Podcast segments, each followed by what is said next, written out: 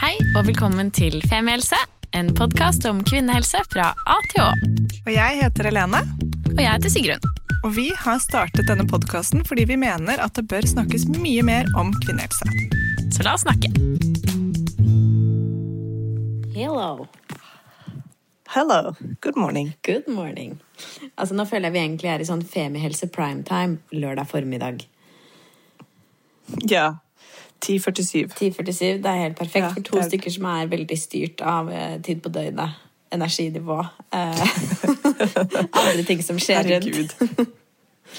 Tid på døgnet, tid i uka, tid i måneden, tid i kvartalet, tid i året, tid i desenniet, tid i millenniet. Det er liksom det er mye som kan ligge til rette for det, men det er ikke alltid det er god energi uansett. eller vice versa. Så her er det viktig med tid og sted. Månen og syklus og you know, everything. Ja, ja. Så um, uh, jeg tenker at uh, dere som hører på nå, uh, forhåpentligvis kan anse dere som ganske heldige med hvor vi er. Det kan slå alle veier. Altså Når vi sier det sånn, så blir det veldig tydelig for meg hvor vanskelig det er å forholde seg til oss. Både sammen og hver for seg. 100% Ja, ja. Det er ikke lett. Nei. Jeg er da, I andre sykluser så er jeg dag eh, dag syv i covid-19-syklusen min. Ja. Fikk det for en uke siden. Og dag 32 i eh, menssyklusen. ja. Så Det er jo en, en relativt sensitiv dag, kan du si. På så mange måter. Men På så mange måter. Men eh, coviden, er, coviden den er jo en mild variant. Bare litt sånn eh, fatigue føler jeg at den har gitt meg. Eh, og mensen føles Eller den PMS-en har egentlig vært en ganske sånn mild, eh, mild runde. Noe som er flaks med tanke på at jeg da har vært i isolasjon med kjæresten min en uke. Eh, oss to døgnet rundt her inne. Men tror du ikke det er det, fordi det sånn at kroppen har andre ting å fokusere på? Jo, at den er sånn Ok, vi, vi tar mer PMS neste måned. Ja, og fordi kanskje du liksom har kjent mer etter på hvordan coviden kjennes ut i kroppen, og hvordan PMS-en kjennes ut i kroppen. Ja, men jeg tror også det er jo egentlig PMS-ens eh, hva skal jeg si, bestevenn er jo en fire-fem dagers isolasjon på sofaen 100%. med bare ro. Ja, og bare sånn Jeg kan ikke ta telefonen akkurat nå fordi jeg har covid. Og så er alle sånn 'Stakkars deg!' Og så får man liksom morgenlevering fordi man har covid. Men jeg er egentlig sånn Det der er fordi jeg har PMS. Derfor fikk jeg croissanter. Ja. Så, mm. så kanskje det er det jeg skal gjøre. Jeg, nå, fra for for ja, 50 minutter siden nå, så ble jo alle eh, Hva heter det? Satt fri? Når jeg har fått covid-hjernen, skjønner du. Ja, alle ble satt fri. Er det, jeg ville si. Alle restriksjoner opphevet. Så neste måned kan jeg ikke si at jeg har fått en annen versjon av covid for å låse meg inn i fire, måned- fire dager igjen. bare nyte det så lenge det er varer. Ja. Men um, vi spiller som sagt inn denne episoden på en lørdag, Uh, og det betyr at vi er midt inne i uh, egentlig en sånn hva skal man kalle det? Femihelsefokusperiode. Det er jo en stund siden vi har hatt det sist. Vi har jo hatt noen runder på prevensjonsmidler og på kjønnssykdommer, eh, blant annet, hvor vi har kjørt noen serier. Og nå er vi inne i en serie da som handler om svangerskap, fødsels- og barselomsorgen. Eh, hvor vi da har snakket med noen jordmødre som jobber på ABC-klinikken. Og så eh, kommer, har det nå, når vi slipper denne episoden, også kommet en episode med eh, barselopprøret. Og så skal vi også snakke med bunadsgeriljaen, og kanskje flere. Um, Og um, dette er jo egentlig et fokusområde som vi har hatt lyst til å ha en stund, men det har på en måte trengtes litt sånn eh, tid og sted og anledning um, av flere grunner. Både fordi vi hadde lyst til å intervjue alle disse ulike menneskene og organisasjonene face to face. um, for å forstå liksom, kompleksiteten i hva det er som foregår. Og ikke minst, vi føler at nå er vi virkelig inne i en form for jeg vet ikke hva man skal kalle det. altså litt sånn Ring of fire, på en måte. Eh, når det kommer til denne tematikken, og ikke minst eh, behovet for at så mange som mulig da, skal forstå eh, at det er behov for en endring. Noen ganger i livet så får, får man Nå snakker jeg generelt for alle mennesker i hele verden, men uh, det stemmer jo ikke. Men i hvert fall så får jeg det av og til sånn følelse av sånn Nå er det på tide å stand up, rise up, si fra. Nå er det nok. Sense of urgency, er eller i hvert fall for min del. Ja, virkelig sense of urgency, og at jeg blir og dette har vært noe som mange har snakket om i mange år, men eh, for, min- ja, for min del eller vår del nå, så er det bare sånn Ok, nå kan ikke vi sitte stille lenger. Ikke at vi har sittet så veldig stille, men nå følte vi at vi måtte legge ordentlig trykk. Nå er liksom gassen i bånn her på å eh, ja, legge Altså, det vi vil, det vi vil, er endring. Vi vil ikke bare snakke om dette, vi vil ikke bare demonstrere eller protestere, eller at alle som, dere som hører på, skal forstå eh, mer av situasjonen som vi også gjør ved å spille inn disse episodene. Det er veldig viktig, men vi vil ha endring. Dette handler ikke om Um, enkeltmenneskene. Det tenker jeg liksom, det Nei. er noe av hovedgrunnen her. Det handler ikke om at du skal få det bedre som fødekvinne og barselkvinne. Det handler om at vi kvinner skal få det bedre. Og Ja, og hele familien, og, og at uh, samfunnet skal begynne å, å igjen sette pris på uh, det at, uh, at man tar, tar, carver ut den tiden i livet for å lage et barn og føde det og fostre det opp. og og legge all energi og kjærlighet sammen med partner eller alene i det. Um, og, og vi mener jo at vi, vi har liksom snakket litt sammen hvorfor er dette viktig for oss. Og for oss er det viktig fordi at selvfølgelig er det dritviktig med all annen eh, kvinnehelseagenda og sak er liksom det som ligger vårt hjerte, nærmest også. Men dette er viktig, for dette er liksom the root cause. Hvis vi ikke tar vare på eh, oss selv og blir tatt vare på eh, aller viktigst når vi er gravide og skal føde, eller prøver å bli det, eller akkurat har vært det, så, så misser vi et så sentralt punkt. Fordi det er så basic. Det er liksom som det er Definisjonen på basic er fødsel. Eh, og, og, og hvis vi ikke engang der greier å gjøre det som er riktig, hvordan skal vi da greie å ha på en måte rett fokus på endometriose eller på, på ulike kreftformer eller hjertesykdommer eller alt det andre som vi vet at vi også forskjellsbehandles på? Vi må liksom ned til basicen at vi ble tatt vare på i vårt mest kraftfulle og sår, uh, sårbare øyeblikk i livet, som er nettopp dette rundt for mange i hvert fall, rundt dette med å bli gravid og føde og være i barsel. Um, og jeg syns barselopprøret som vi hadde besøk av, eh, og som vi slipper episode nå, sa det så fint at i Norge så har vi ikke en barselomsorg. Vi har, eh, Kanskje du får en oppfølging etterpå på sykehuset hvis eh, du er heldig og har energi til det til å snakke gjennom med lege og jordmor. Og, eh, kan, og en seksukerskontroll som folk har veldig ulike opplevelser med hvor fin eller ubehagelig den er. Og da, det, det, har jeg ikke tenkt på engang, men vi bruker liksom ordet barselomsorg, barselomsorg, barselomsorg. Men så har vi egentlig ikke det. Og, og for meg så er det sånn Det handler jo om at hvis vi var et land som lå på randen av ruin, og som ikke hadde kompetanse, og ikke hadde ressurser, og ikke hadde kriteriene som skulle til for at vi skulle få gjort dette på rett måte, så hadde det vært greit. Men ingenting av det stemmer. Vi vet forskningen sier hva man burde ha. Det er en omsorgsmodell. ikke sant? At du får oppfølging eh, mens du er gravid, selvfølgelig under fødsel, men også etterpå. Eh, og hva kvinner Det er en kjempefin artikkel som vi kommer til å dele også, som ligger på Aftenposten, som handler om hva Nå har de snakket med liksom 8400 kvinner om hva man har lyst på, hva man trenger. Og en av de tingene er det mykeste av alle, det er å føle seg trygg omsorg. Og det er disse myke verdiene som kanskje er vanskelig å få inn i helseforetaket til alle disse ansiktsløse byråkratene. Altså, vi vet ikke engang hvem er det vi skal snakke med. Hvor er det vi, er det vi liksom, hvilken dør er det vi sparker inn for å få inn dette budskapet? Men det handler liksom om så basic, og det handler om altså Vi har sagt mange ganger før at hvis, hvis, hvis hun som føder ligger eh, liksom med brukket rygg, så går det utover hele familien og samfunnet og alt rundt også. Og det er veldig riktig som du sier at uh, kampen for kvinnehelse mange måter begynner med uh, denne uh, svangerskap og fødsel og barselomsorgen. Fordi det er jo det fleste mø altså, det første møtet med helsevesenet for de fleste kvinner. Ikke sant? Fordi vi snakker jo om veldig mange kvinnesykdommer og helseplager kvinner sliter med, men de aller fleste er jo friske. Og da vil dette være det første møtet med eh, helsevesenet. Og som for de fleste også vil gjøre det veldig tydelig da, at eh, kvinnen ikke er i fullt fokus. Ja, og det som er, er at vi bank i bordet aner ikke når noe lignende covid-19 kan skje igjen. Og covid-19 har virkelig fucka da til for så mange som har født. Jeg- det er så mange hjerteskjærende historier, og du begynner å se tall. Nå, jeg, nå siterer jeg alltid tall fra internett uten å huske kilden, men jeg tror det er noe sånn en tredjedel nå 34%. som rapporterer om ja, ikke sant? Rapporterer om eh, depresjonslignende tilstand etter fødsel. Altså en, en, en mild eller sterkere form for fødselsdepresjon. Det er det høyeste på lenge, lenge. Og det er ikke, så, så det vi må også passe på, det som må inn i dette, er at hvis noe lignende skulle skje igjen, eller det skulle skje noe annet, så er vi beredt på det. At vi liksom står klare at ok, men partner skal fortsatt være med, du skal fortsatt få den omsorgen du trenger. Hvordan kan vi tilrettelegge for det, og ikke bare sette foten ned?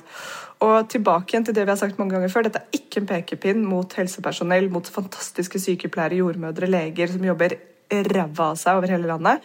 Dette er mot systemet. Og det er så fint på den annen side, for å liksom være liksom positiv energi i dette, så har vi fått melding fra folk i Stavanger som, som opplever en helt annen eh, fødselsprosess der. I hvert fall den vi fikk meldinga, som skrev at det er så gøy, jeg snakker med mine venninner som slåss om å komme inn på ABC, mens i Stavanger er liksom det nesten normen. At du føder på en at det er jo der ja. du kommer, med mindre det er noen grunn til eh, en mer medisinsk type fødsel. Altså Hvis det er en medisinsk grunn til å bli lagt inn på sykehuset, så, du, så, føder du på fødeloftet, som er jo deres versjon av ABC. Ja. Det er jo helt fantastisk. Ja. Og Det samme fikk vi melding opp fra Lofoten om, eh, om fødestuene der, som også har denne tilnærmingen til det så godt det lar seg gjøre, med tanke på avstander og alt mulig. og Det er noe vi kommer til å snakke med bunadsgeriljaen om også. Men så det er ikke bare trist. og det er masse, Hver gang vi snakker om dette, så får vi heldigvis meldinger fra, fra folk i Tønsberg eller Trondheim eller whatever, som sier sånn Du, jeg hadde en fantastisk opplevelse. Jeg ble fulgt opp av samme jordmor hele veien, osv. Ja. Men vi må bare passe på at det, vi må passe på at altså, Nå er jo kanskje vårt fokus også i Oslo, hvor det er dette skiftet fra eh, Ullevål over til nytt sykehus. Hva skjer der? Og generelt sett bare eh, hvordan fødende i Oslo blir eh, tatt vare på. Men at vi har det samme tilbudet landet over, som er det bunadsgeriljaen selvfølgelig også står eh, veldig sterkt på. da. Så det er litt sånn backdrop for hvorfor vi har ordentlig fokus på dette nå. Vi håper at dere står med oss. Og eh, vi prøver å få til en demonstrasjon, gjerne over hele landet. Vi skal se hvordan vi får til det. Um, og da lover vi at dere selvfølgelig skal bli informert og invitert. Mm. Så det var dagens lille fødselsomsorgsrant. Ja, og jeg har faktisk også skrevet en kronikk som forhåpentligvis, når vi slipper denne episoden, har eh, vært på trykk. det vil tiden vise. Men um, håper på det, fordi mm, jeg spilte jo inn uh, noen episoder om fødsel og barseltid etter at jeg fødte Tutti for uh, halvannet år siden, og har i etterkant tenkt på at det var nok på mange måter en litt sånn Hva skal man kalle det? En uh, filtrert versjon av historien. Um, og jeg skrev også en kronikk om mitt eget barselopphold, men valgte å ikke sende den inn fordi jeg følte litt at jeg eller jeg tenkte vel at jeg kanskje var litt sånn tatt av mine egne følelser på en måte, og overdramatiserte min egen opplevelse. At det var på en måte helt vanlig, da, og at det var på grunn av hormoner og Ja. Nei, så jeg, jeg Jeg vet ikke hva man skal si, men jeg på en måte dyttet dyttet litt ned på en måte min egen opplevelse. Men etter at vi eh, har begynt dette fokus i femihelse de siste ukene, så har det blitt veldig tydelig for meg at jeg kjenner jo fortsatt på de samme følelsene. Eh, og ser fortsatt på opplevelsen min på den samme måten som jeg gjorde da. Og det var ikke bare jeg som overdramatiserte. Det var en, en, opplevelse som egentlig peker på ganske mange systematiske feil i barselomsorgen som ikke kan unnskyldes av pandemien, men som kvinner eh, lenge før pandemien også har, eh, har kjent på. Så um, ja. Den eh, kronikken og historien skal vi selvfølgelig dele med dere når den er ute. Mm. Og så ja. ja det er skikkelig fint at du gjør det. Jeg vet at det er jo ikke alltid sånn for oss begge det der å gå ut og være sånn privat eh, og dele liksom sånn sårøyeblikk kan være fint, men også litt sånn åh, men, ja, Jeg syns mest av alt det er, så, det, er skikkelig det, egentlig ganske ubehagelig. Det kan jeg være ærlig om. Men eh, mm. eh, men det føles riktig i denne forbindelsen hvor jeg vet at det ikke handler om meg og mine følelser. Dette, mm. Det handler om noe, noe større. Kjennes det ut som, i hvert fall. Og det var jo litt sånn som ABC-enheten også sa, at hvis du på en måte, når du kommer ut, du er full av endorfiner og kjærlighet eh, kanskje til dette nye barnet, og, og liksom den litt traumatiske fødselen din blir litt sånn tillagt til side, for nå har du et annet fokus. Men hvis du et år etterpå, eller to år etterpå bare liksom får samlet deg bare, Men hva faen var det som egentlig skjedde der? Mm. Ikke sant? Så er det fortsatt lov til å sende en klage. Mm. Og formell klage, så man får det inn i systemet, sånn at Uh, og det, det, går ikke på de som jobber der. det er ikke sånn at du da, du kan gjerne, Hvis du har møtt noen du syns var direkte ubehagelig, fine, si ifra om det, men det handler ikke om det. Du, det er ikke sånn at du, det du gjør, er at du egentlig kan være med til å bidra til bedre arbeidsforhold for de som jobber der. For hvis mange nok sier fra også om at jeg opplevde at de som jobbet der, ikke hadde tid til meg, de var overarbeidet og superstressa, jeg fikk vondt av å se på dem, og det gjorde at jeg ikke turte å liksom be om den hjelpen jeg trengte. Så vi må si ifra. Det er, det er liksom, og det, vi skal dele link til hvordan man kan melde inn dette også, mm. uh, som formelle klager. uh, ja. Nei, så, så det skjer eh, disse ukene her, og vi kommer nok til å snakke mer om dette um, når ting også blir materialisert seg litt, tenker jeg, med tanke på eh, demonstrasjon og hva vi kan gjøre sammen. Vi har fått masse meldinger fra flere fra dere som har lyst til å være med og demonstrere, og det er jo veldig god energi inn i dette her. Jeg føler at vi er liksom Her er det en stor gjeng. Så um, Yes. det er eh, kjempekult, rett og slett. Virkelig. Ja. Fantastisk. Men ehm, dette er jo femhelseprosjektet vårt. Eh, og i denne episoden så tenkte vi også også snakke litt om den andre siden av arbeidslivet vårt. Som ikke bare er alt vi gjør rundt uh, femihelse, men ehm, vi har jo egentlig en dagtidsjobb. Eller i hvert fall en av oss har det. Ja, det er også en måte å si det på. Ja, Først av alt, Sigrun. Du, eh, eh, Sigrun er jo, som noen av dere kanskje vet, jobber i Theis, er markedssjef der. Og det er så gøy, fordi at nå dukker du opp overalt i artikler, og jeg blir sånn Uh, the face uh, av Theis, og du gjør så sykt bra jobb. Uh, det er veldig, veldig gøy å se. det er hyggelig at du Det sier. er Veldig, ja, deilig å se deg et sted hvor du virkelig får liksom banka gjennom alt det bra du vil. Ja, jeg har en, det gir meg Um, en skikkelig god energi, altså. så jeg er utrolig takknemlig for at jeg hoppet, hoppet på den muligheten. Ah, Så deilig. Av 100 søkere, da, så ble du hoppet du på den. men eh, Kjærlighetsdusj til deg der. Men jeg har da de siste ti årene jobbet med digital markedsføring. Og det var litt sånn jeg falt inn i. Jeg fikk et internship i Google, eh, som ble en fast stilling i Norge. Og så flyttet jeg til Stockholm, og da fikk jeg på en måte Fordi jeg hadde jobbet i Google, og det så så bra ut på CV-en, og jeg hadde jo en mastergrad og litt sånn greier også, men så fikk jeg jobb i et digitalt mediebyrå. Og det var akkurat sånn i den der perioden hvor digital markedsføring bare sånn Wow, det er nytt, og det er Facebook, og du kunne bare dytte ut en annonse på Facebook, og alle bare trykket sånn Kjøp, kjøp, kjøp, kjøp. Så det var, sånn, det var en magisk tid å jobbe der, og det var akkurat da sånn programmatic marketing kom inn, altså sånn annonser eh, på auksjon osv. Så, videre. så de to og et halvt årene jeg hadde i dette firmaet i Stockholm, så lærte jeg helt sånn sinnssykt mye om digital markedsføring, om Facebook-annonsering, AdWords, YouTube. Jeg kunne alt, eh, og kunne snakke dette digitale språket. På en tid Dette er jo da liksom back i 2013-2014, ikke sant? så det var jo ikke så Jeg var en av de få som virkelig kunne det. Jeg har jobbet med kunder som Telia og Ikea og Viktvekterne og uh, Borås Tapeter. Det var min favoritt, fordi jeg hadde så mange fine tapeter jeg kunne sitte og se på. Mm, men så kom jeg tilbake igjen til Norge, og så fortsatte jeg på, mange, på alle måter i samme sti, fordi det var så ettertraktet. Alle trengte noen som kunne digital markedsføring, og som også hadde evnen til å sitte og være hyggelige kundemøter. Og innen den kombinasjonen så kunne jeg nesten ja, Jeg kunne jo velge og vrake jobber innenfor dette feltet. Så jeg følte meg jo veldig flink, og jeg følte at det var ganske gøy, og jeg fikk lov til å gå på mye morsomme konferanser, og det var egentlig ganske god flyt. Men allerede, etter, allerede i Stockholm så kjente jeg på liksom at dette her er også sinnssykt stressende. Fordi det er digitale kampanjer de er alltid på. Jeg satt på julaften og fikset eh, AdWords-kampanjer. Jeg måtte sette opp liksom nye Facebook-kampanjer i romjulen. Det var ikke alltid du kunne liksom eh, schedule ting sånn som du ville. Noe gikk galt, man fikk en negativ kommentar. Det var bare en sånn Det var en internettverden som jeg følte at liksom Internett sover aldri, som noen sier. Internett sover aldri. og Det var sånn en følelse av at det rant nedover ryggraden min med stress. bare sånn der, åh, Det var liksom, det var så heftig, da.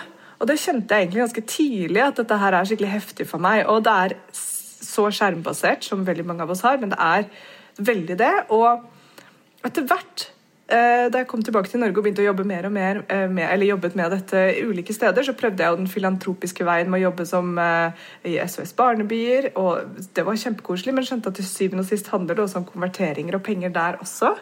Um, jeg gikk videre til reklamebyråer, litt mer kreativt, i, i, med, jobbet med podkast en stund, men havnet også fort tilbake igjen til dette med prissetting av digitale annonser og salg og pakketteringer og always on, og den annonsen skal på da, og bla, bla, bla. Og var liksom fortsatt inne i digital reklame på en eller annen måte. Og så, og så kjente jeg liksom eh, også veldig på at jeg jobber jo da eh, hva skal jeg si, på nåde med noen plattformer jeg liker mindre og mindre.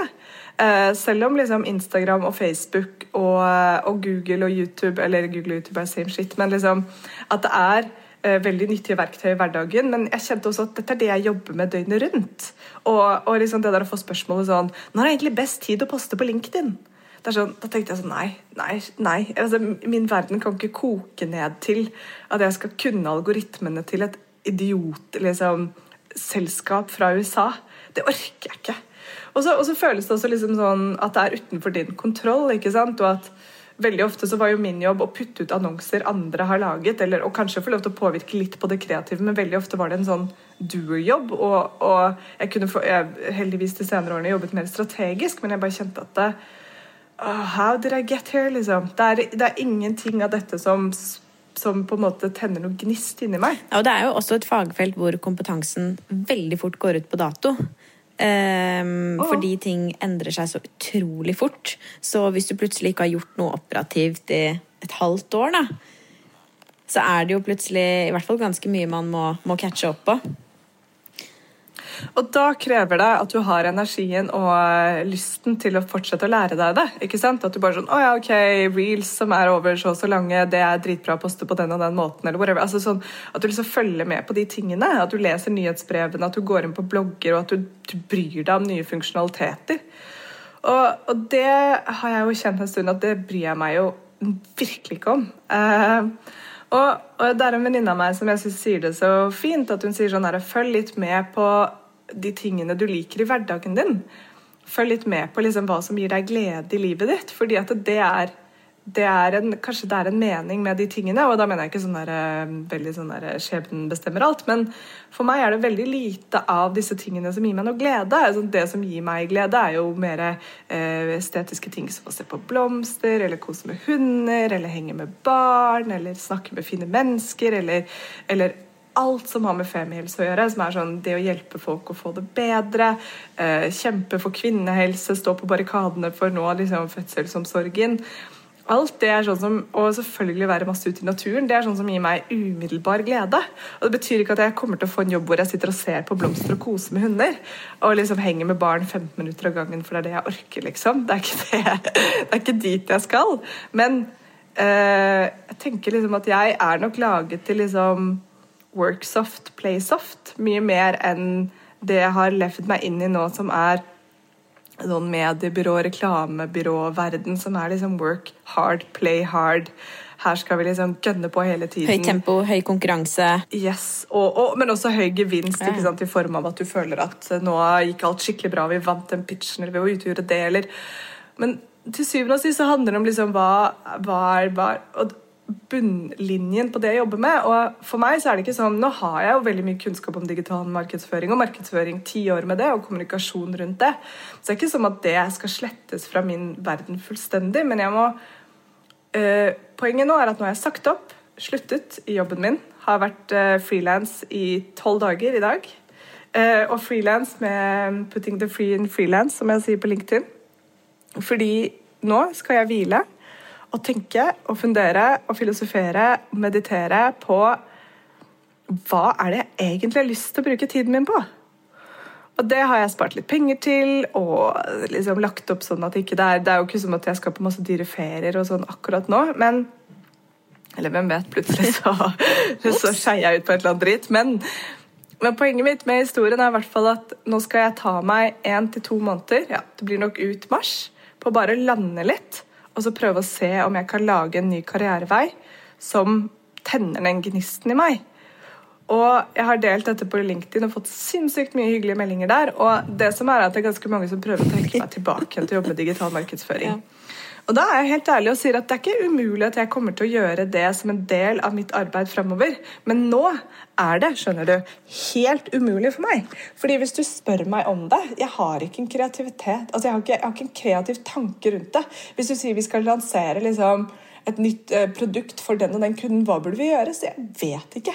Det er helt tomt. Det er helt blankt. Jeg har ikke den derre OK, vi burde gjøre sånn og sånn og sånn. Og det føler jeg liksom litt sånn generelt sett med litt femihelse, litt sånn at alt det rundt markedsføring er litt dødt, eller i hvert fall gått veldig i dvale. Så for å kunne jobbe med det igjen, så må jeg gjøre andre ting en liten periode. Og så håpe at det liksom våkner litt til liv. Da, og bare OK, nå er jeg tilbake med Og kan godt gjøre noe av det. Føler du at du er litt markedsføringsutbrent? 100 Jeg har ikke lyst til å fortelle folk hva de skal gjøre og hva de skal kjøpe, hvis ikke jeg har sånn skikkelig troa på at det er akkurat det de burde gjøre, akkurat det de burde kjøpe. Og det er liksom sånn, Jeg skjønner veldig godt at du får masse god energi av Theis, fordi det er, Theis er så fint og så riktig og så gøy og liksom veldig innenfor dine interesseområder også. Fargerikt og gøy, liksom. Um, men jeg har på en måte jobbet med masse fine merkevarer, og også den siste jobben jeg hadde, veldig fint, men det er, det må liksom, jeg må enda mer granulært enn det. Jeg må enda mer spesifikt enn det å føle at det her er virkelig noe jeg eh, brenner for i lengden. Og hele syklusen på produktet og hele liksom ja, Så jeg er markedsføringsutbrent, men jeg er ikke utbrent, heldigvis. Jeg er ikke sliten, bortsett fra liksom covid-fatigue akkurat nå. Um, så jeg trenger ikke sånn å ligge på et mørkt rom og komme meg etter utbrenthet, heldigvis. Det kunne kommet dit, men det gjorde ikke det. Men jeg trenger å bare recalibre og finne ut hva jeg må, til, jeg må altså, tørre å stille meg spørsmålet, for det har jeg ikke turt på ti år, fordi jeg var på en så god liksom, flyt. Hva er det jeg faktisk vil gjøre? Og ting jeg elsker å gjøre, som vi gjør noe av sammen, er jo f.eks. å holde foredrag. Lede paneldebatter. Eh, skrive. Eh, bare snakke med mennesker. Få mennesker til å møtes. Arrangere ting. Så hva kan det være? Kanskje noe innenfor det. Kanskje noe innenfor det. Altså, jeg tenker jo det er helt utrolig Eller jeg tenker ikke, jeg syns at du er veldig modig og veldig inspirerende og veldig klok, eh, som tar ansvar for ditt eget liv. For det er jo virkelig det du gjør. Og du har jo byttet eh, mellom mange jobber de siste årene, som har jo kanskje vært et symptom på at dette er eh, en veldig lur ting å gjøre for din del. Og liksom kanskje finne også noe du kan falle til ro med. Og ikke, ikke ro med i form av ro, nødvendigvis, men noe som du nettopp bare trives med over en lengre periode, da, og som du ser kan utvikle seg på en eller annen måte, selv om det er én type jobb. Takk. Jeg føler jo veldig sånn Det er mange som sier at de syns jeg er modig, og det er veldig hyggelig. Men, men, men og, og det, jeg tar det til meg, men jeg, jeg, følte også at nå var jeg kommet til et punkt hvor det var helt nødvendig. Ja. Det var på en måte, det hadde nesten blitt modigere å bli. Ja, sånn. Men modig for min del også handler jo på en måte om å si fra seg økonomisk sikkerhet og, og, og ta mm. det valget der om å ikke ha noe, ha noe å gå til lenger. Så um, ja. det er jo, syns jeg, da, modig å si fra seg tryggheten. Ja, takk. Og det, det, føler jeg på også. Masse usikkerhet og, og, og, overveldende ansvar for egen karriere. er sånn, å fy faen, Hvorfor gjorde jeg dette? da? Nå må jeg jo finne på hva jeg skal gjøre hver eneste dag selv. må jeg jo lage min egen karriere. Det er kjempeslitsomt. Um, men um, jeg føler også at ja, det var på en måte bare riktig sted og riktig tid. Jeg er 36 år nå. Det føltes sånn jeg skal kanskje jobbe 36 år til. Det må, må gjøre noe som jeg syns er hvert fall minimum eh, ordentlig gøy på en eller annen måte. Det må finnes en mulighet for det. Og da har jeg jobbet ganske mye med å redefinere hva er det jeg eh, gjør? Altså sånn, hva er det For det er veldig lett å sette labeler på alt. Man jobber med markedsføring, man eh, er prosjektleder, eller man er dette og dette. Men egentlig, hva er det jeg gjør? Jo, jeg er god til å sette meg inn i nye systemer. Eh, jeg liker å eh, involvere mennesker i prosjekter sammen med meg. Jeg liker å starte ting. Jeg er ganske glad i å gjennomføre det, se resultater. Og så bare adde mer av ingrediensene jeg syns er fint på toppen av det. da. Så det er liksom en redefinering, rett og slett. Jeg er så spent, jeg, på Og så fikk jeg jo kjenne på dette med Ja. Nei, du kan si det først. Jeg fikk jo ja, nei, jeg fikk jo kjenne på dette med redefinering av økonomisk sikkerhet når jeg liksom var én uke frilans, og så gikk jeg inn i én uke sykdom med covid. Ja. og da har jeg jo ikke liksom, jeg har ikke kommet meg dit at jeg har registrert meg på Nav ennå. Liksom, jeg har et enkelt enkeltpersonsforetak, men jeg har ikke begynt liksom den derre ok, forsikring gjennom Nav. Jeg har ikke begynt å fakturere noe, selvfølgelig. Jeg har ikke begynt noen ting. Så jeg var bare sånn ok, Men er det deilig å ligge på sofaen og ikke tjene en krone en hel uke? Som jo, jeg hadde planlagt for, men jeg hadde ikke planlagt for at man blir syk. Og det gjør man aldri. Så det er sånn ja. Nei, det blir mange nye ting da, og jeg tipper det er mange av dere som hører på, eller det vet vi for så vidt, at det er mange av dere som har en sånn type jobbhverdag. Um, så det er sikkert mange som kjenner seg igjen i det. og Jeg tipper det er uh, hvis du har lyst på det, Lene. Sikkert mange som kommer til å reache ut og dele sine erfaringer. Um, Definitivt. Og for det jeg skulle si i stad, jeg, jeg er veldig spent på hvor vi er da, når, vi, når det er blitt sommer. For jeg føler det er jo eh, Jeg kjenner jo deg, og jeg vet at det er veldig mange der ute som du allerede sier, som vet hvilken ressurs du er. Og du er jo også noen som spontant kan snu deg rundt og hoppe på noe. så um, Nei, jeg er spent på hvor, eh, hvor dette tar deg. Om lang eller potensielt ganske kort tid. det alle muligheter er åpne her. Men det føles også helt sjukt fint ut. da, At nå er faktisk Nå sitter jeg ikke og scroller på Finn. ikke sant? Det gjorde jeg ikke den forrige jobben heller, fordi jeg følte ikke at det var sånn. Men sitter ikke og liksom leter etter noe innenfor markedsføring som kanskje kan være bedre. Uh, som jeg har gjort de siste ti årene. Det, trenger, det er ikke der jeg er nå. Så det føles uh, bra. Og har en liten hunch på at eh, korona og at vi har sett litt på hvordan det er å sitte mye alene på hjemmekontor, og hva vi faktisk essensen i det vi gjør, og hvordan, hvor fleksibel man kanskje er som arbeidstaker i altså For de av oss som jobber med Mac eller PC og ikke liksom er inne fysisk et sted, selvfølgelig. Um, kanskje har gjort at en del jeg, jeg begynner å kjenne at det er liksom flere og flere hører som er sånn Nei, jeg har sagt opp å gå frilans, eller nei, jeg tar meg litt tid for å tenke, eller jeg skal jobbe med dette prosjektet. Og det er jo en verdenstrend også, at man ser liksom the gig economy, at folk jobber mer prosjektbasert for å nettopp ha den friheten i livet til å kunne planlegge Nei, jeg vil ha tre måneders sommerferie, eller uh, Ja, altså Jeg vil jobbe derfra, eller uh, whatever. Så det er um, det er, uh, det er spennende å se. Kanskje arbeidsmarkedet går litt mer mot arbeidstaker igjen. Arbeidstakers favør. Det er lov å håpe. Nei, det er eh, skikkelig, skikkelig spennende. Så um, jeg syns du er inspirerende, det er rett og slett. Takk, Sigrun. Jeg legger inn en liten oppfordring på slutten. her, at Vi er jo veldig glad i å holde foredrag. Og vi er veldig glad i å snakke på sommerfester og på julebord og alt mulig, og vi er ganske morsomme når vi er på de foredragene her on fire. Det, det må vi si selv, at da føler vi oss på topp. Jeg vil, jo si at vi er definisjonen på infotainment. Ja, vi er infotainment.